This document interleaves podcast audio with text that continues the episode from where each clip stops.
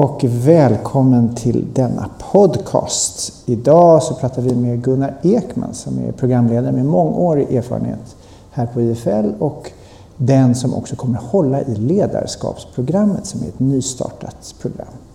Och Gunnar, vad, eh, varför är du programledare?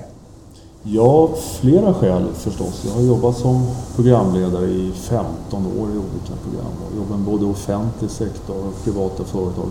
Stora som väl som små. Men eh, ett huvudskälet är nog att jag har ägnat ofantligt mycket tid åt det här med ledarskap, eller vardagens ledarskap som man kallar det. Och det där började väl egentligen med att jag skrev min avhandling som jag blev klar med 1999. När jag forskade på och funderade väldigt mycket kring hur utövas vardagens ledarskap på riktigt? Vad är det som bestämmer om det händer det ena eller det händer det andra? Och hur ser kedjan ut egentligen från formella beslut uppifrån till konkreta handlingar alla längst ner? Så det här vi kommer att prata om idag handlar just om det informella ledarskapet, är det så? Ja, det handlar väldigt mycket om vad är det som styr på riktigt. Och det finns ju en föreställning om att chefer styr, vi sitter i möten chefer av planer, affärsplaner, handlingsplaner, verksamhetsplaner, etiska riktlinjer och att det är de där som bestämmer vad folk gör. Men jag hävdar att den här vardagen styrs oändligt mycket mer i det här ständigt pågående informella småpratet. Som informella ledare, tongivande personer är ofta mycket viktigare än den här formella chefen. Och om man då backar tillbaka och tar ett eh, historiskt perspektiv så vet vi att i början av 1900-talet så var det den starka ledaren, det var ju symbolen och ikonen för vad man trodde man skulle leda ett företag. Men sen har det där förändrats. Och hur passar det här in, just det informella ledarskapet? Jag, tror att det, jag, jag gillar det här historiska perspektivet och tänket bakåt. För det är så mycket som har hänt om vi tittar tillbaka ett gäng år. Va? En sak är ju till exempel att förut så kunde ju chefer allting. Lite, lite förenklat förstås. Hade vi en produktion så var produktionen ofta ganska enkel och chefer kunde vad medarbetarna gjorde. Det andra var att det var lätt för chefer att kontrollera den här outputen. Man kunde gå ner i fabriken och se att det blev rätt antal gula hammare. I sån miljö så räcker det att chefer pekar ut hela handen och säger åt folk. För om då folk inte gör vad som är tänkt, ja då får man väl sparka dem och stoppa in nya. Idag har vi ett näringsliv och offentlig sektor där det är ofantligt mycket svårare för chefer att på riktigt kontrollera. Och dessutom så kan de ju inte vad medarbetarna gör. Och den miljön kallar vi för ett nytt ledarskap. Och den miljön gör också att hur människor tänker, vad de tycker, vad de tycker är bra, vad de tycker är dåligt och viktigt får ofantligt mycket större genomslag idag för vad som verkligen händer. Och det är den miljön också som informella ledare, tongivande personer blir hjärtligt viktiga. Det finns ju forskning som visar att eh, svenskarna ligger längst ner i den här eh, tron på att chefen kan allting. Det var en undersökning jag såg med typ 800 Eh, företag och det var 7 procent bara som svarade på att man tror att chefen kan allting. Hur förändrar det eh, chefens roll?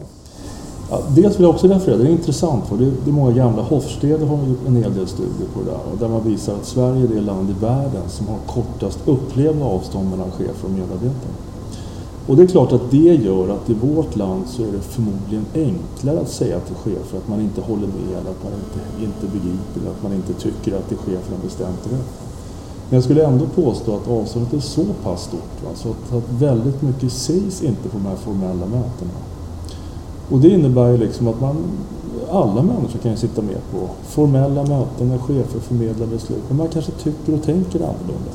Och det är inte alltid så att man räcker upp handen och säger att jag tycker och tänker annorlunda, jag håller inte med. Utan det där pyser ju ut i det här vardagliga småpratet. Hur kommer det sig att det blir så då? Om man tänker på den svenska kulturen som är då så öppen och man har så kort till chefen och ändå så blir det att man inte säger det man tänker. Jag tror inte vi behöver gå mycket längre än till dig och mig. Det är inte alltid så att man säger sitt hjärta. Dessutom kan man vara osäker på saker. Man kan ju bara ha frågor, man kanske inte riktigt håller med eller man kanske inte riktigt vet. Och det är inte alltid att man räcker upp handen på det här mötet. Det är betydligt enklare att ta det där över en kopp kaffe med någon man känner lite mer. Och då är liksom snacket igång. Så det är ena aspekten, att man kanske inte vågar. Andra aspekten är att det blir väldigt vanligt att man kommer på saker i efterhand. Jag menar, alla har vi suttit i möten när det har verkat alldeles solklart och man har varit helt på gång så att säga direkt efter mötet. Men så kommer man hem, man tar en kopp kaffe, man käkar middag, man pratar med maken och hustrun. Man kommer på saker på morgonen när man vaknar. Och då är inte det formella mötet där, utan då är det snarare det här informella, snacket med kollegorna över en kaffe, vid en kopiator. Det är då det snacket är tillgängligt. Det låter som en eh, mardröm om man vill styra den här processen, man tror som chef att det är det ens uppgift är. Eller är det den uppgiften?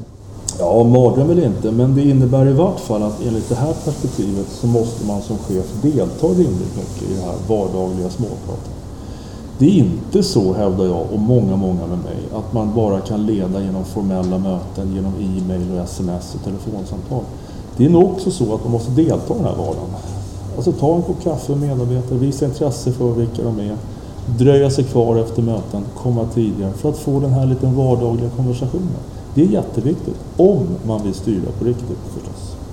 Finns det några exempel på några som gör det där på ett bra sätt som du har stött på? Ja då, många. Jag jobbar med ett företag nu till exempel, jag vill inte riktigt nämna vilket, men där har jag intervjuat flera chefer och som faktiskt spenderar en stor del av sin tid på det jag kallar för ledarskap. Och det innebär att de deltar i det här småpratet, de visar intresse för människor, de söker upp människor och, och de är på riktigt intresserade både vad folk gör, de är intresserade av folk och intresserade av ledarskapet. Och det där intresset är ju liksom det som är gummibandet som drar ut dem i den här vardagen. Och de tror jag bygger ett sådant stort förtroende så de får höra vad folk tycker och tänker på riktigt. Och poängen är ju också då att deras formella möten är nog lite öppnare än andra chefers formella möten. För när vi väl sitter i det där formella mötet, är det så att det är en chef vi har en relation till, som vi vet är intresserad av oss, som lyssnar, som deltar, ja, då är det lite lättare att räcka upp handen och säga att jag håller inte med. Så det finns många goda exempel, men det finns också många väldigt dåliga faktiskt. Men kan man inte se att det här är eh, en preferens? Att man som person föredrar en chef som är på ett sätt som påminner om en själv. Och om man är väldigt människoorienterad först så söker man sig till sådana och det passar man med. Det finns någon aspekt i det förstås. Men jag påstår att det är en djupt allmänmänsklig egenskap att vi vill att folk ska vara intresserade av oss. Och det är väl också rimligt att anta att jobbar man i ett företag och med chefer som är ointresserade av oss och vad vi faktiskt gör så är det väl ganska uppenbart att det är besvärligt för de allra flesta. Jag tror att vi vill ha ändå ett intresse från chefer kring vilka vi är och vad vi gör. Så det tror jag är mer allmänmänskligt.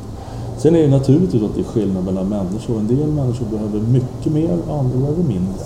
Men att det är ett generellt önskemål, det är jag helt övertygad om. Är det här något man kan lära sig?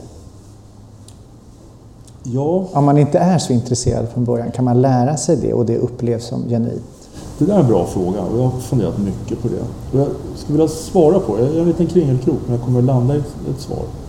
Jag tror att det är så att många chefer idag har liksom fastnat i vad jag vill kalla för administrationsfällan. Och det innebär att det är mycket mejl, mobiltelefon, möten, administration, planering, uppföljning, släcka bränder i veckorna. Och när man kommer hem fredag kväll så inser man att man har hunnit med allt det där. Men man har inte hunnit med det här informella småpratet och ledarskapet.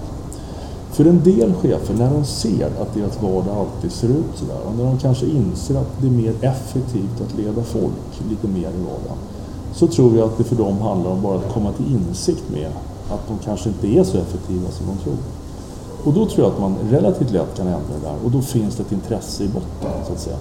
Men det är också tveklöst så att vi idag har chefer som inte är särskilt intresserade av folk. Och för dem räcker det ju inte att få en insikt i att de kanske har jobbat fel. För intresset kan du liksom inte lära dig, det tror jag att du har från början. Och än en gång, intresset, du måste vara intresserad av människor och av vad de människorna gör. Och det innebär att ska du vara en bra chef inom polisen till exempel så måste du tycka att poliser är kul och att polisarbete är roligt. Ska du bli en bra ledare på IFL till exempel så måste du tycka att personer är roliga och att det som den organisationen gör är roligt och viktigt. Så det är dubbla intresset som jag pratar. Så summa summarum. Ett, man behöver se lite hur ens vardag ser ut, hur man spenderar sin tid. Och är det så att man i grunden har ett intresse så handlar det om att fördela om tiden. Om man vänder på kuttingen istället, att chefen är jätteintresserad men medarbetarna är inte så intresserade. Hur gör man då? Intresserad av vad? När jag skapar en relation till exempel. Och blir lyssnad på. Och hur gör man då? Jag kan väl säga så att jag har jobbat med ledarskap nu i 20 år på i en mängd olika organisationer. Och jag tror inte jag stött på det, ärligt talat. Jag tror inte jag stött på att medarbetare som har intresserade, delaktiga chefer möts av att medarbetare är helt ointresserade av att bygga relationer. Chefen har faktiskt aldrig sett på det. Så det finns inte som fenomen? Säkert, men jag har aldrig sett på det. Ni lyssnar till Gunnar Ekman prata om det informella ledarskapet. ärligt talat så tror jag så otroligt mycket på det här intresset. Så jag tror att väldigt mycket låsningar som finns på arbetsplatser i relationen chefer-medarbetare kan hantera via chefers intresse för människorna.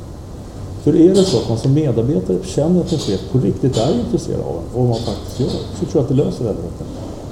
Jag kan inte säga att det löser allt, för det vore ju direkt dumt att påstå. Men jag har sett att det löser väldigt mycket. Men om vi tittar lite mer på det här intresset så kan ju vara, det finns ju ett intresse som kan vara riktat för att nå ett mål. Och då är man intresserad av det som gör att medarbetaren når det här målet. Men det låter som du pratar om ett annat intresse som är mer värderingsfritt, som är mer speglar varandra, som är mer förutsättningslöst. Ja, det har du rätt i. För jag tror att det här intresset för målet och att åstadkomma och tjäna pengar, det är inte det som jag tror att människor går igång på att bli mötta av. Däremot tror jag att vi människor går igång på att bli mötta av intresse av oss. Det vill säga, det är klart att det är attraktivt och intressant för mig att möta människor som på riktigt tycker att det är kul att träffa Gunnar och prata med Gunnar och lära känna honom. Det är klart att det påverkar mig. Om jag dessutom träffar människor som gärna träffar mig och också är intresserade av det jag faktiskt gör så finns ju väldigt goda förutsättningar att bygga en bra relation. Och så tror jag att det funkar generellt på jobbet. Det är inte primärt strukturen, måluppfyllelse, ekonomin som chefer har att vara intresserade av om de är utövar ledarskap. Det handlar mycket mer om att de är intresserade av människor, vilka människor är och vad människor gör. Så där har du aldrig sett, där är en skillnad. Tror du inte det finns en, en, ett inslag här av att det är onyttigt? Alltså en onyttig tid som spenderas. Här är man betald för att göra, göra ett, ut, ett arbete och så sitter man och småsnackar om saker som inte leder någonstans. Absolut, helt klart så. Jag, jag brukar skoja till det ibland när jag föreläser. Jag brukar använda en, en, en eh, en bild där det står ledarskap genom skitsnack och skvaller. Och det gör jag mer för att provocera lite grann. För det är precis som du säger. Va? Den här tiden när man kan snacka lite med folk, lära känna människor, kanske ta en kopp kaffe, dröja sig kvar vid kopiatorn eller efter ett möte. Ses konstigt nog som slack och onödig tid. Medan det i själva verket är en alldeles avgörande viktig tid där vi bygger relationer. Företagande skapar sitt värde via människor och relationer. Och det är människor i samverkan som skapar värdet där ute. Ett plus ett blir tre, fyra, fem och sex. Och det blir det väldigt mycket när vi lär känna varandra, bygger relationer. Kan du, om du, går, du som går och besöker många företag och träffar mycket personer, kan du känna i luften när det där funkar och vad är det du ser? Vad är det du brukar titta på för att, eh, nu när du har fokus på det? Jag har varit på kursgård två gånger i två olika sammanhang. Kursgård nummer ett så är det väldigt låg energi. Eh, folk kommer liksom dit och det är inte särskilt roligt. Man kan nästan höra skitsnacket däremellan. Vill man som kursledare ha hjälp med någonting så kan man mötas av att folk säger nej det går inte att lösa, nej det är svårt, vi vet inte hur det är, kolla med någon annan. Där tror jag att det är ett negativt småprat. Jag tror att det är inte så roligt för folk att vara där. Man märker att det är nytt folk som kommer och det är inte riktigt någon som tar ansvar för helheten. Det där känner jag när jag kommer dit. En annan kursgård som jag kommer till, där är det precis tvärtom. Där är folk glada, folk hjälper gärna till. Man kan överhöra det positiva pratet där det skojas och skämtas. Så fort man vill ha hjälp med någonting så är det fixat på någon minut eller två. Det är klart att man som kund, det vill säga jag är kund i det här läget, märker den skillnaden. Och det är klart att det är kronor och ören i de här aspekterna också. Därför ett negativt småprat där folk tänker att man borde göra någonting annat. Man här var inget roligt och chefen är dum. Det är klart att det där kostar pengar. Om du jämför det med ett småprat där folk istället säger att jag är stolt på att jobba här, det här är roligt, jag har världens bästa jobb, låt oss utveckla det här. Det är klart att det är kronor och ören. Ganska många kronor och ören. Behöver det här visualiseras för att det ska bli tydligt?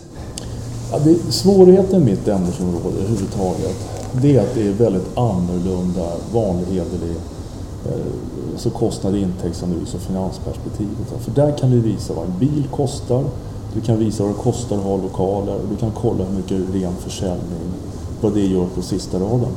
Det här är ju mer svårt att leda bevis rakt ner från kaffebordet till sista raden. Men jag har sett över åren så oändligt många exempel på hur den här goda energin på jobbet skapar värde. Många bolag jag jobbat med har varit bäst i klassen därför att man har haft ett positivt och bra småprat.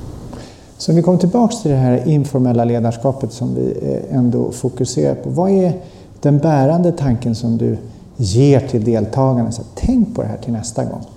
En bärande tanke det är att det pågår oändligt mycket mer ledarskap i företag än via de formella cheferna. Det är ett gammalt tänk att det är formella cheferna som leder och styr. Idag är det mycket mer ledarskap som utövas av experter och duktiga personer. och människor som har jobbat länge på en arbetsplats, folk som är bra på att kommunicera, folk som har bra kontakter och så vidare. Och så vidare. Det sker ett väldigt stort ledarskap som inte är kopplat till streck på axlarna eller titlar. Och det är vad jag kallar också ett informellt ledarskap. Och då är det klart att vet du några av de här nycklarna, det vill säga hur man kan förhålla sig till människor, hur man kan se och, och använda människors olikheter, hur man kan skapa energi kring vissa frågor, så är det klart att det ger en otrolig möjlighet för dig att styra, påverka och kontrollera i den riktning du vill. Men det låter som eh, hierarkierna vet vi, de blir ju plattare och det är väl en plattityd. Vad betyder det här och hur ser de här nya hierarkierna ut? Alltså det som alldeles uppenbart det är ju att det, är, det finns andra hjältar i organisationer idag än för ett antal år sedan. Va? Min poäng är att för ett antal år sedan så var det väl chefer som var duktiga och hjältar och, och kanske de som sålde mycket som blev hjältar eller de som var produktion och duktiga och kom på nya saker. Det var ganska enkelt att hitta hjältar. Idag tror jag att det är mer folk som får saker och ting gjort på olika sätt. Va? Det kan vara projektledare som är erkänt duktiga. Det kan vara folk som driver sakfrågor i organisationer som får stort genomslag. Det finns andra som har väldigt mycket påverkan och är vardagshjältar idag skulle jag säga. Och det här med beteende, hur, hur styr man beteende? Är det önskvärt att styra beteende eller i en sån här organisation? Går det att göra? Är det vägen framåt? Det är väl så här att det enda vi kan styra egentligen är ju ett beteende. Det är ju det allt ledarskap syftar till, det är att påverka vad folk gör. Ofta går ju görandet via hur vi tänker. Va? Tycker vi att något är bra så är sannolikheten att vi gör något i den riktningen ännu större. Och det är de idéerna som ligger bakom att styra ledare och värderingar. Så att det är klart att det är önskvärt, men väldigt konkret så tror jag att ett sånt här program till exempel så har otroligt stor nytta av att veta hur ser ditt beteende ut? Va? På vilket sätt, vad är det som utmärker just ditt sätt att vara, tänka och handla? Och hur ser andra människors beteende ut? Och då är det så att det finns ett antal skillnader mellan hur folk beter sig. En del av oss är till exempel snabba, andra är långsamma. En del av oss, som var inne på förut, har väldigt mycket fokus på människorelationer. Andra har lite mer fokus på arbetsuppgiften. Och kan man på något sätt se sitt eget beteende och förstå lite mer om hur andra beter sig. Och nummer tre, bli bättre på att förhålla sig till andra. Dels de som är lika oss, men också de som är olika oss. Så tror jag att man kan vara med och påverka sitt eget och andras beteende. På ett bra sätt? Nej. På ett bra sätt, absolut. Du har ju också hittat inspiration vet jag från USA och ja. eh, lyssnat på herr Robinson. Anthony Robbins, just det. Vad plockar du upp därifrån? Har det något inspel i informellt ledande? Jag har ju verkligen gjort så under hela min karriär att jag har tittat åt alla möjliga håll och försökt lära mig att koppla ihop egen, e, olika vetenskaper och sånt där. Det som jag blev inspirerad av under den långa kursen som jag själv gick förra året, det är väl egentligen den här kopplingen mellan ledarskap och energi. Hur viktig energi är. Och det är väl så också att det finns många arbetsplatser där det är väldigt lite energi. Va? Där det går tungt och folk kommer lite sent och går lite tidigt. Och det går tungt kort och gott. Jag har lärt mig en hel del omkring hur man liksom jobbar, bygger sin egen energi, hur man påverkar och skapar energi hos andra. Och utan att säga för mycket så ligger också en hel del i kroppen faktiskt. Att bara sitta på en stol och lyssna en hel dag, det går inte att skapa energi vad man än pratar om. Man behöver röra sig, man behöver få kroppen att hänga ihop med tänkandet och handlandet. Så det är klart att jag använder en hel del av det här också när jag leder program. Men om, du tittar nu på, eh, om man tittar på informellt ledarskap och de nya bilder som behövs då för att göra det på det sättet. Kan man tänka sig att det är energier som vi styr istället för individer eller produktionsenheter? Ja, det, är en bra poäng. Alltså jag har ärligt talat inte sett det riktigt på det sättet. Men, men när du säger så, så, så blir jag direkt lockad och tycker att det är intressant. Jag tänker så att det kanske är energier eller kanske frågor på något sätt. Det är kanske någon som, som driver en miljöaspekt på ett företag. Det kan vara någon som driver en juridiskt viktig fråga eller kring processer eller någonting sånt där. Va? Och då är det väl liksom kring den frågan det gäller att skapa energi. För skapar du energi kring den frågan av intresse, ja, då, då kan du liksom få handling att följa med. Så när du säger att leda energier så tror jag att det ligger väldigt mycket i det tänket. Ni lyssnar till Gunnar Ekman prata om det informella ledarskapet. Det finns ju också den här eh, övergången från en, en expert som blir chef. Det är en vanlig grej. Och det är inte säkert att auktoriteten följer med i den här nya rollen. Hur hanterar man det när man är en formell chef men man har inte den informella chefen? Hur kan man samverka för att få det där att fungera för man är satt att lösa en uppgift? Jag skulle vilja säga att ett av de här stora bekymren som jag har sett på många håll och kanter, till exempel sjukhus, till exempel konsultfirmor och många andra exempel också. Det är ju egentligen att det är experter, väldigt duktiga specialister som helt plötsligt blir chefer för det finns inga andra karriärvägar. Och det du ofta får då, det är att du blir av med en riktigt duktig expert och på köpet så får du en usel chef. Och vad jag menar med att den personen är usel, det är att hans eller hennes intresse låg ju inte i ledarskap. Det låg i att vara expert, det vill säga dataexpert, hjärtkirurg eller specialistkonsult på något sätt. Och det är inte samma sak som att ha intresse för att leda folk och påverka riktning och påverka energier som du var inne på. Så att med det sättet att tänka så tror jag att vi som sagt än en gång får dåliga chefer, med väldigt generell förstås, men dåliga chefer och vill bli av med experter. Och det är därför som jag gillar också det här tänket med ett ledarskapsprogram för icke-chefer. För är det så att man som expert kan få genomslag för sina idéer, vara med och påverka utan det här att kunna lä lämna sin profession så tycker jag att det är väldigt lockande. Så hur kan du, om man nu vänder på kuttingen, hur kan man se det attraktiva i ledarskapet nu när vi vet att det är så svårt?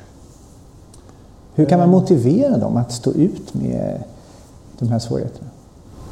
Det är en bra fråga. Därför att jag läste senast för en, två, tre veckor sedan en undersökning som säger att Sverige är det land i världen där väldigt få unga vill bli chefer. Det är inte så attraktivt att bli chef längre.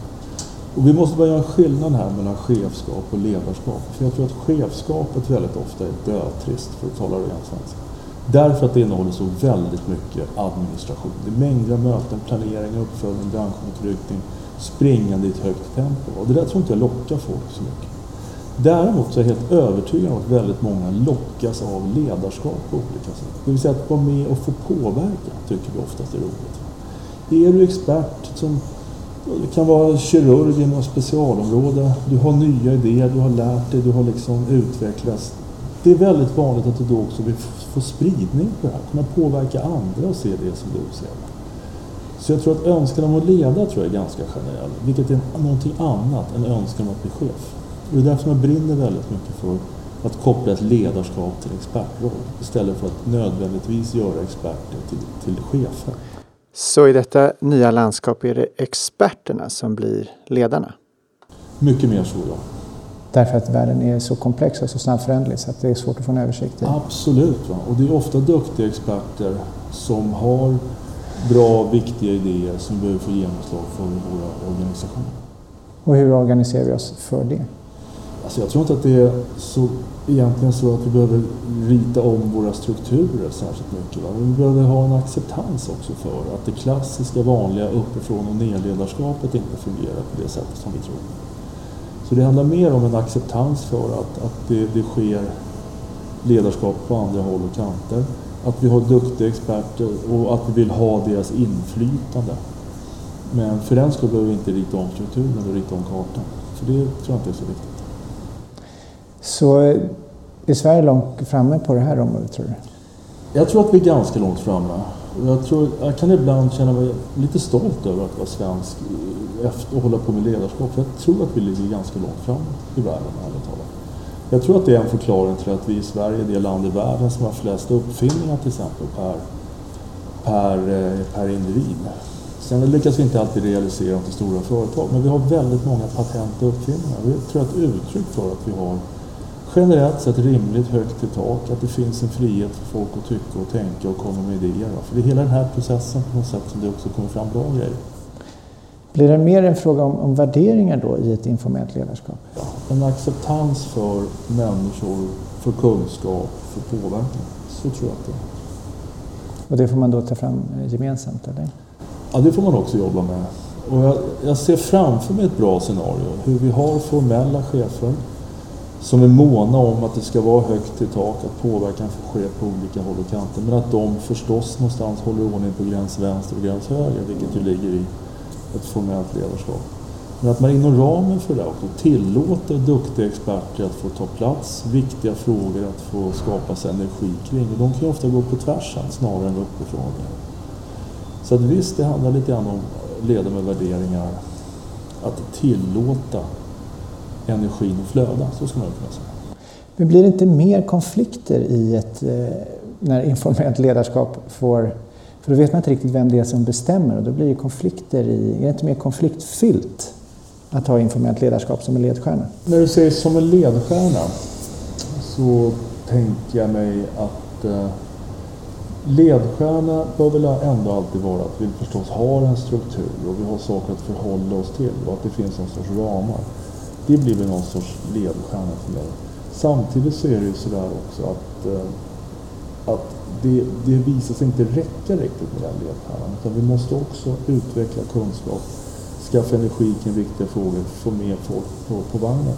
Jag förstår inte varför det skulle skapa mer konflikter. Jag tror att det skapar mer energi och mer folk som vill vara med än att det skulle skapa konflikter. Jag tror att konflikter snarare kan skapas av ett formellt revirpinkande önskan om att ha den och den positionen och inte få det. Så för mig blir det mer konflikter nästan i, i strikta hierarkiska system det blir, än om folk blir lite mer fria. Mer engagemangsdrivet. Så det låter som man kan lära sig en del av intresseorganisationer. Absolut, det är ett bra exempel. Va? För där är det verkligen så att man drivs kring vissa frågor skapar energi kring frågorna. Och folk gör ju stordåd när deras energi och värderingar sammanfaller. Och utan att hålla med om vad många av de här speciella grupperna gör så kan vi tveklöst konstatera att de tar stora personliga risker och de offrar mycket för det de faktiskt tror på. Och eh, kan vi få en del av det där i företagandet, nämligen att vi får människor i en riktning, vi skapar energi och vi delar värderingar, då är det klart att vi kan göra stordåd där också. Så om vi sammanfattar lite den här diskussionen så har informellt ledarskap handlar om att styra energier på ett sätt. Så kan man säga. På ett sätt handlar det om att styra energi, styra riktningar, styra utveckling, styra lärande. Och det är ändå lite hotfullt att inte ha kontroll. Så är det. va. Men, men jag tror att vår möjlighet att ha kontroll i till exempel stora organisationer den försvann för ganska länge sedan. Och den försvann nog samma dag ungefär som, som det var omöjligt för chefer att kunna allt som medarbetarna gjorde. Och när det dessutom är så att man som formell chef inte ens är på plats där medarbetare utför sitt arbete, ja då försvann ju absolut sista kontrollmöjligheten. Så att, att, eh, att kunna vara i organisationer utan att ha den här kontrollen, det, det borde vi ha vant oss vid för länge sedan. Sen vet jag att många inte har gjort det, men det är så det liksom ser ut. Det går inte att ha kontroll. Tack Gunnar för dina insikter kring informellt ledarskap, ett tema som du har arbetat med länge. Och informellt ledarskap är också temat i ett nytt program som IFL lanserar som kallas just Ledarskapsprogrammet där Gunnar är programledare. Mitt namn är Carl Eneroth, jag är online program director här på IFL och vill ni lyssna mer på IFLs podcast så surfa in på www.ifl.se inspiration. Tack för att du lyssnade.